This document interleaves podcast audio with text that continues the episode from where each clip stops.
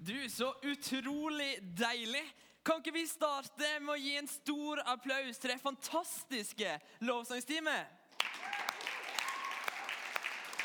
Var knallbra. Å, var så deilig.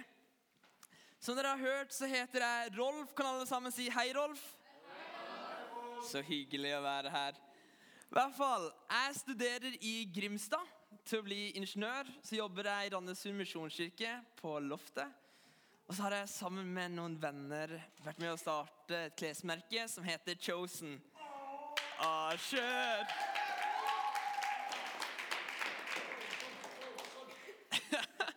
det er deilig. Men du, dere vet ofte at hvis det er noen sånne spesielle ting man snakker om, så blir man litt sånn ekstra gira. Ikke Sant? Når det der emnet kommer opp, så blir man litt, sånn der, man blir litt fortere hissig, man blir litt mer engasjert. Kanskje for deg er det hest. Med en gang noen snakker om hest, og der du liksom, du er der. ikke sant? Jeg tipper ut på Sogndalen så er det kanskje mopeder mer som er greia. Jeg husker en gang, Det er det eneste du kommer til å oppleve det. Jeg ble avbrutt av en tale av en moped som er utsida. Så var det en eller annen sånn rar ting i potta si, eller et eller annet. Det er sånt man bare får oppleve her på Sogndalen. Men det jeg skal snakke om i dag, er noe som jeg tror er så utrolig viktig. For meg er det en sånn ting der jeg kan kjenne jeg blir litt ekstra engasjert. Der jeg blir litt mer skrikete enn vanlig, der jeg blir litt mer gira enn det jeg normalt pleier å være. For når det kommer til de spørsmålene Hvem er du? Hva er du verdt? Hvem får lov til å si hva du er verdt?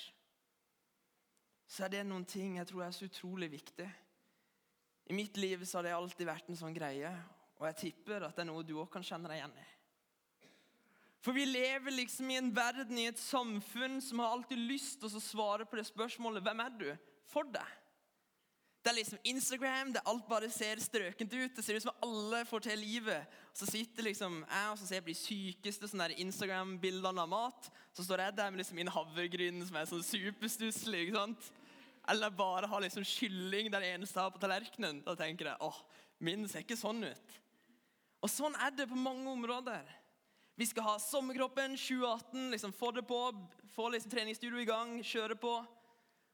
Og så er det liksom blitt det der presset.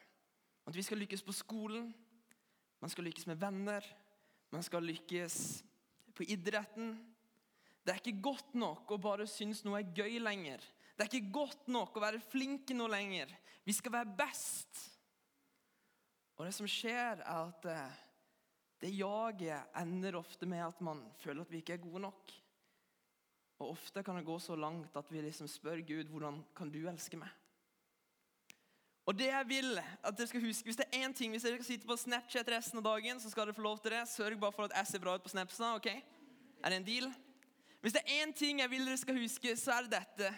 Ikke la ditt menn definere deg. Ikke la ditt menn definere deg. Skjønner dere hva det er snakk om? Nei, jeg tipper ikke det. For jeg tror at det er så normalt for oss at vi kan liksom tenke ja, Gud har lyst til at jeg skal gå det stedet, men jeg er ikke flink nok. Jeg har så lyst til å gjøre den drømmen min, men jeg kommer til å mislykkes. Ja, men Jeg er så forelska i han eller hun, men jeg er ikke kjekk eller pen nok ut. Jeg har så lyst til å prøve den utdanninga, men jeg kommer ikke til å klare det. Det blir, Vi er eksperter til å starte med noe fint nå, men så slutter vi med den 'men'. Jeg har så utrolig lyst til å gjøre det, men jeg vet at det kommer ikke til å gå greit.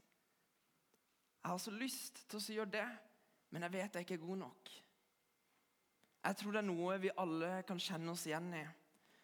Og så har jeg bare lyst til å komme med en liten oppmuntring òg. Er det at eh, når vi er her samla, så kan vi vite at Jesus er her. Og der han er, der er det håp. Og han er den eneste som kan gjøre noe vondt noe om til noe godt noe. Han er den som kan gjøre din sorghistorie til en seiershistorie. Der du før tenkte ja, hvordan skal jeg komme ut av dette, så kan man senere fortelle se hva Gud gjorde gjennom meg i den tida. Det er det som er kraften av Jesus. Jeg vil ta en bønn. Kjære Jesus, jeg takker deg for at du er med. Jesus, jeg takker deg for at du elsker oss på en så ekstrem måte som vi aldri kommer til å forstå. Men Jesus, jeg ber om at i dag og i tida fremover skal det være du som forteller sannheten om oss. Hjelp oss til å fylle oss med din sannhet, og ikke hva alle omstendighetene vil si. Ikke la det være alt rundt, men la det være deg. Og Far, jeg har ingenting å komme med, men du har alt å komme med, far. Så jeg ber om at du skal tale gjennom meg. Så legger vi resten av dette møtet i dine hender. Og alle sammen sa Amen. Det er sånn skikkelig pinsekirke, vet du. Det er deilig. Men jeg vil at vi skal se på en, en historie. Dette er i andre Mosebok, kapittel 3. Og så er det om en kar som heter Moses. Og Før vi går på historien, så har jeg lyst til å gi dere litt sånn background information. Ah, top secret. Eller, det står i Bibelen, du kan sjekke det selv Men det som er veldig vittig, er at Moses han var en fyr som sleit litt med identitetsproblemer. Han var det. Han var liksom oppvokst i en egyptisk kongefamilie. Han var den som fikk druer når han satt der. Han kunne sikkert få hjelp til å tørke seg hvis han ville det. Han, liksom, han hadde alt. Han levde som en konge. Men så på den tida så var israelittene slaver under Egypt så visste Moses at selv om han bodde som en konge, så var han egentlig som en av disse slavene. Han var en israelitt. Så der har liksom han det der spørsmålet hvem er jeg, hva driver jeg på med, hva skal jeg gjøre? Det tipper jeg var kjempetydelig hos Moses. Og så En dag så kan vi lese om at han, han går en tur. Kanskje skulle han opp på liksom pyramiden og ta selfie. For jeg må se for meg at det var dritbra å ta en selfie fra en pyramide. Sikkert legende. Men han gikk i hvert fall ut for å gå en tur. Og Så møter han liksom noen israelitter, og så står det en egyptisk soldat som står og pisker dem. Han står og pisker dem flere ganger, denne egyptiske soldaten. Og Moses blir så utrolig sint. Det er nesten som at han mister kontrollen der han står og slår tilbake på den egyptiske soldaten helt til han ikke svare lenger, helt til han ikke responderer lenger. Og Moses, midt oppi sitt sinne For han ble så sint at den egyptiske soldaten sto og piska israelittene. Så kommer Moses inn og dreper denne soldaten. Vi kan lese videre om at det står at han gjemmer vekk kroppen. Og nå må plutselig Moses flykte vekk fra Egypt. For israelittene sier jo ja, men du dreper jo de, hvorfor skal ikke du plutselig drepe oss? Og egypterne sier ja, men du har jo drept en av våre, nå skal vi drepe deg. Så han må flykte ut. Han, er, han blir gjeter. Så bare se for dere de tankene Moses må slite med. Han er blitt avvist av alle. Han har gjort noe utrolig forferdelig. Ingen vil ha noe med han å gjøre. Han må reise vekk. Han må vel tenke det at 'jeg er ikke verdt noe'. 'Jeg er ikke god nok. Jeg kommer aldri til å få noe til'. Og du kan høre videre når vi skal fortelle det, at det er en sånn stemme som går igjen i Moses. Moses var eksperten på menn. Jeg har lyst til å gjøre det, men se hva min forhistorie sier. Jeg har lyst til å gjøre det, men hadde du visst hva jeg har gjort før, så hadde du ikke spurt meg om det. Det er Moses. For det som skjer videre, at han går liksom og gjeter, han koser seg. Og så plutselig kan vi lese at det, at det brenner en busk oppå fjellet der han er. Men det er ikke helt vanlig busk, for denne busken den brenner, men den brenner ikke opp. Og Så begynner den busken også å snakke til Moses. Det er ikke det du ser hver dag. En busk som begynner å snakke til deg. Og så sier liksom denne busken roper opp på Moses, liksom. Og denne busken som snakker, det er Gud som snakker til Moses. Så sier busken, eller Gud sier, at eh, jeg har hørt klageropene av mitt folk i Egypt, og jeg skal sende dem, Moses. Du skal redde dem, du skal ta dem med ut. Og hva sier Moses? Han sier kanskje sånn som du ville sagt, kanskje sånn som jeg tror jeg ville sagt. Hvem er jeg? Hvem er jeg? Så videre sier Gud ja, men det er det jeg vil ha, Moses. det er det jeg vil ha. Og så svarer Moses ja, men se er min tunge. Jeg er ikke flink til å snakke for store folkemengder. Mest sannsynlig det teologer tror, det er altså de som studerer Bibelen, så tror de at eh, Moses sleit med å stamme. Der han sa at sen var hans tunge, så sleit, tror veldig mange at Moses sleit med å stamme. Så det Moses gjør, er at han ser begrensningene sine, han ser det han ikke får til. Så sier han liksom Ja, men dette kommer ikke til å gå, Gud. Hallo, Har du ikke sett hvor håpløs jeg er? Det er egentlig det han sier. Men det Gud svarer, er helt ekstremt. For han sier det. liksom, Hvem er det som åpner blindes øyne? Hvem er det som åpner døves øre? Hvem er det som taler gjennom menneskets munn? Jo, det er meg, Herren. Og jeg skal gå med deg. Og så kjører Moses et annet klassisk kort. Det at ja, men det er jo så mange som er mye bedre enn meg. Er det noen som kan skjønne seg igjen i den? Det er liksom det klassiske at jeg skjønner veldig godt. Min bestekompis heter Marius. Han er faktisk gift med Marte, hvis noen kjenner de. Ja. Og det som er med Marius, at Marius han får til alt. Han er bare den snilleste, han kan liksom lede lovsang, han kan tale. Liksom, man er ofte Alle får én gave, men Marius han har fått alle sammen. Det er liksom Marius. Han kan bare alt. Ikke sant? Og Jeg har ingen problem med å forstå hvorfor Gud kan bruke Marius. Jeg skjønner det kjempegodt. Men når den setninga kommer at Gud kan bruke meg, da er det veldig lett at det kan bli vanskeligere. Du kan sikkert skjønne at liksom, ja, jeg skjønner at Gud kan bruke min beste venn. Men hvis jeg sier til deg ja, men Gud vil bruke deg, Gud har lyst til å ha noe med deg å gjøre, da kommer alle disse herre men du vet ikke hva jeg har gjort, Rolf. Menn er ikke gode nok. Menn er ikke flinke nok til å tale. Menn er ikke flinke nok til ditten og datten og hatten. Ikke sant? Vi er så gode til å snakke dumt om oss selv. Men her står altså Moses og sier ja, men hvem er jeg? Det er så mange andre som er bedre enn meg. Det som skjer videre, er at Moses sier ja, men det er det jeg vil ha. Og så det som skjer er at Moses vender tilbake til Egypt. For det har skjedd en endring hos han.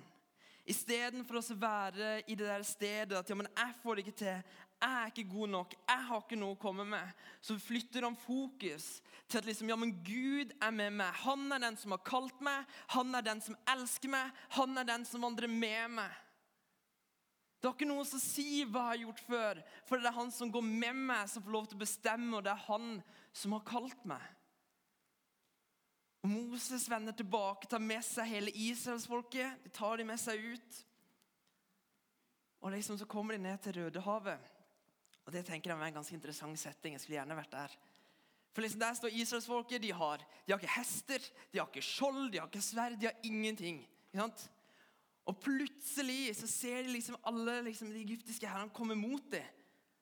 Og Hadde jeg vært Moses, så vet jeg ikke hva jeg hadde gjort. Kanskje jeg hadde lagt jeg var et tre, jeg var en stein. liksom, Jeg vet ikke. Siden jeg har litt rødt hår, så tror jeg det hadde blitt vanskelig med å prøve enten tre eller stein. Men et eller annet skulle jeg nå klart. Men jeg tenker liksom, det, han må ha vært livredd. Han har liksom tatt med alle folkene ut, og så der står han plutselig liksom med havet bak seg. Han ser liksom egypterne komme imot og skal ta det. Man har tenkt, hva er det jeg har gjort? Men pga. det skiftet som har skjedd i Moses, så handler det ikke lenger om at det var han for det, men det handler om hva Gud kan gjøre. For han går frem til vannet, han løfter opp staven, og Gud deler havet. Jonas, du kan komme opp. For det er der han før så sin begrensning, der han alltid kommer 'Men jeg får det ikke til. Men jeg klarer det ikke. Men jeg er ikke god nok.' Så skjønner han at det er Gud som gjør ting gjennom han. For du skjønner, du trenger faktisk ikke å kunne redde en skole. Men du trenger å komme med hans godhet og fortelle hvem han er til dine venner. Du trenger ikke å kunne helbrede syke, men du trenger å kunne legge hånd på det og la Gud helbrede. Du trenger ikke å få til alt. Du trenger ikke å lykkes i alt du gjør. Men han som går med deg, han som står foran deg, bak deg, hver din side. Han som omfavner deg. Han får det til for deg. For jeg tror vi er mye mer lik Moses enn det vi tør å innrømme. Vi kan drømme, vi kan tenke ting.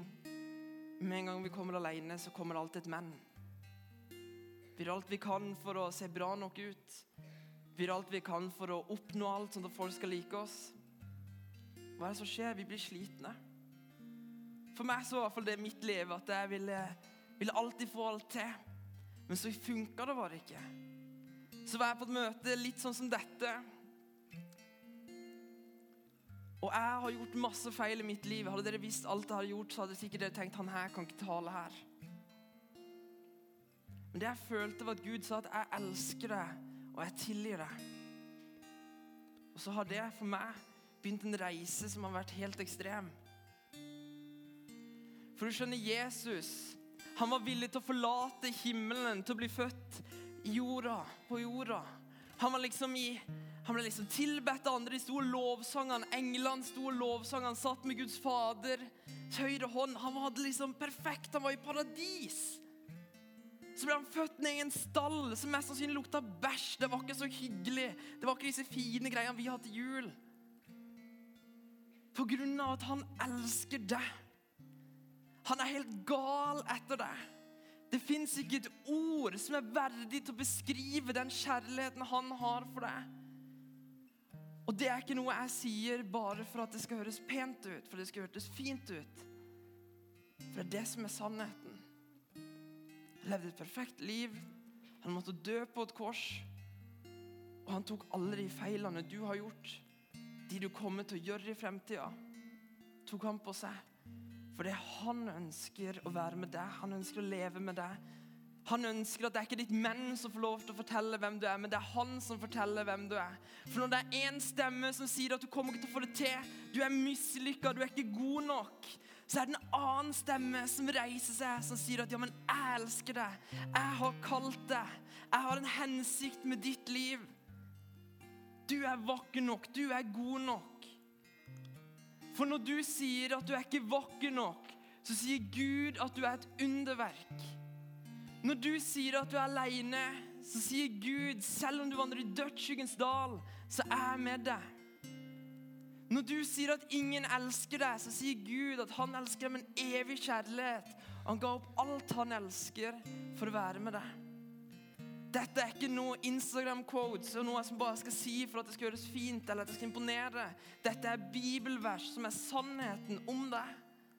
For du sier at ingen tenker på det, men Gud sier mine tanker for deg er mer tallrike enn sanda. Du sier at du passer ikke inn, men Gud sier du er mitt barn og min arving, og du er hans dyrebare eiendom. Du sier ingen tar vare på deg, men Gud sier han er din forsørger og dekker alle dine behov. Du sier ingen er med deg, men Gud sier jeg er med deg, så hvem kan være imot deg? Jeg nærmer meg slutten nå. Men kan vi alle være enige om at denne klokka er på meg? Ikke sant? Den er verdt så mye hva noen er verdt, eller villig til å gi for den. Hvis liksom noen er villig til å gi 50 kroner for den, så er det 50 kroner han er verdt. Ikke sant? Ganske simpelt. Og sånn er det faktisk med oss også. For du skjønner, din verdi ble satt når Jesus var villig til å gi sitt liv for deg.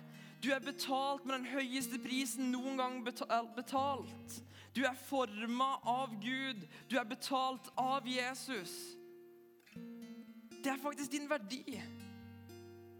Ikke la ditt menn definere deg. La hva Jesus sier om deg, være sannheten.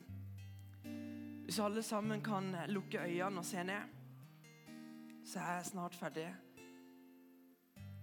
Men hvis du kjenner at ja, altfor ofte så kommer jeg med et men. Altfor ofte så snakker jeg dumt om meg selv. Jeg tenker feile tanker. Eller at det med selvbildet og hva man er verdt, er vanskelig. Hvis du sliter med det og syns det er utfordrende, så kommer jeg til å telle ned fra tre. Når jeg kommer til null, så kommer jeg til å invitere deg til å rekke opp hånda. For jeg har lyst til å be sammen med deg. Hvis du har lyst til å si Jesus, fyll meg opp med din sannhet. Mm. Tell ned fra tre når jeg kommer til null. kan du rekke opp hånda. Tre. Takk Gud for at det er du som får lov til å si hva som er sant om oss. To. Takk for at du elsker oss med så stor kjærlighet at ingen ord er verdig til å beskrive den engang. En. Takk at selv når vi ikke får ting til, så er du den som vandrer med oss. Selv når vi snubler, så er du den som reiser oss opp igjen. Null, og du kan rekke opp hånda. Det er mange hender som går opp. Det er mange hender som går opp. Jeg holder det noen få sekunder til. Hvis du kjenner at det banker litt på innsida. Dere kan ta hendene ned. Så vil jeg be, be sammen med dere. Jesus, du ser oss her vi står. Det er altfor lett å la sosiale medier, det er altfor lett å la andre mennesker og venner være de som forteller hvem vi er, og hva vi er verdt. Men det er det du som gjør, Jesus. Far, jeg ber om at du må komme med sannhet i våre liv. La det skje en forandring i våre liv, sånn som det skjedde med Moses. Det er det han var sikker på, var at du gikk med han. Det han var sikker på, at det var du som fortalte hvem han var. Hjelp oss til å få vår identitet i deg, Jesus, uansett hvor utfordrende det måtte være. Fjern alle løgntanker og erstatt det med sannhet. Amen. Er veldig nær slutten her nå. og Jesus, når han døde på korset, så måtte det være et valg. For skal det være kjærlighet, så er det ikke no Han ville liksom ikke ha en gjeng med roboter som sto liksom der 'Jeg elsker deg, Gud'. Det var liksom ikke det han ville ha. Men det han ville ha, var barn som kom frem og sa 'Her er jeg med alle mine feil, med alle mine mangler'. Tilgi meg, Jesus. Jeg vil ta imot deg. Uansett hva du har gjort, uansett hva som er din historie, så har han genuint lyst til å være med deg.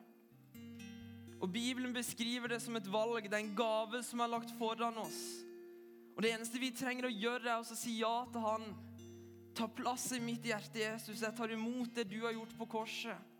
Jeg har lyst til å invitere deg i dag, hvis du ikke har tatt det valget. Kanskje i dag er dagen du kan gjøre det. Du sitter der i tvil om jeg er egentlig kristen, så er det kun det som skal til, faktisk. Det høres helt sprøtt ut, for det står i Romene 10,9.: For dersom med munnen bekjenner at Jesus er Herre, og ditt hjerte tror at Gud reiste han opp fra de døde, da skal du bli frelst. Det står ikke at du skal fikse livet ditt, at du skal få allting til, og så kan du bli frelst. Nei, det står bare at man skal respondere. Det er faktisk så enkelt. Så dere kan lukke øynene og så se ned igjen, og så ber dem at vi respekterer det at vi ikke ser opp. For dette er et valg mellom deg og Gud. Jeg kommer til å invitere deg på null til å rekke opp hånda igjen. Og ikke rekke opp hånda for at jeg skal føle godt med meg selv. Ikke rekke opp hånda på den siden man gjør det. Gjør det kun for din del. Kanskje har du vært oppvokst i en kristen familie, men du har selv aldri tatt valget. Kanskje har du bare aldri fått muligheten, og i kveld så kan det skje. Men jeg teller ned. Tre, takk Jesus for at du elsker oss. Takk for at du var villig til å ofre alt for å dø på et kors. To, takk for at eh, du har gitt gaven foran oss. En, takk for at vi får lov til å ta det imot, og for at du elsker oss uansett hva vi har gjort, uansett hva som ligger bak. Null. Og hvis du har lyst til å ta imot, kan du reise opp hånda. Gud velsigne deg. Gud velsigne deg. Holder det litt til. Gud velsigne deg. Dere kan ta ned hånda dere som har. Så venter jeg litt til hvis det er noen som kjenner det på innsida. Mm. tar vi og ber. Jesus, du ser de hendene som er løfta opp i dag, Herre. Tenk at de får lov til å leve i fellesskap med deg nå. Takk for at du er med dem. Takk for at du elsker dem. Takk for at du tok all de sin synd, all de sin skam på korset. I ditt ord så står det at når noen tar imot Jesus, er det den største festen himmelen har sett. Og jeg er sikker på at det er det det er nå. Det er fest i himmelen. Takk for det, Jesus. Amen. Det er ferdig. Og så kommer jeg til å utfordre dere etterpå til å spille bordtennis mot meg, for jeg er legende på bordtennis i Sogndalen. Jeg kødder ikke er sjef, liksom. Så jeg håper etterpå at dere har lyst til å ta tid til å spille en kamp mot meg. Så var det godt å være her.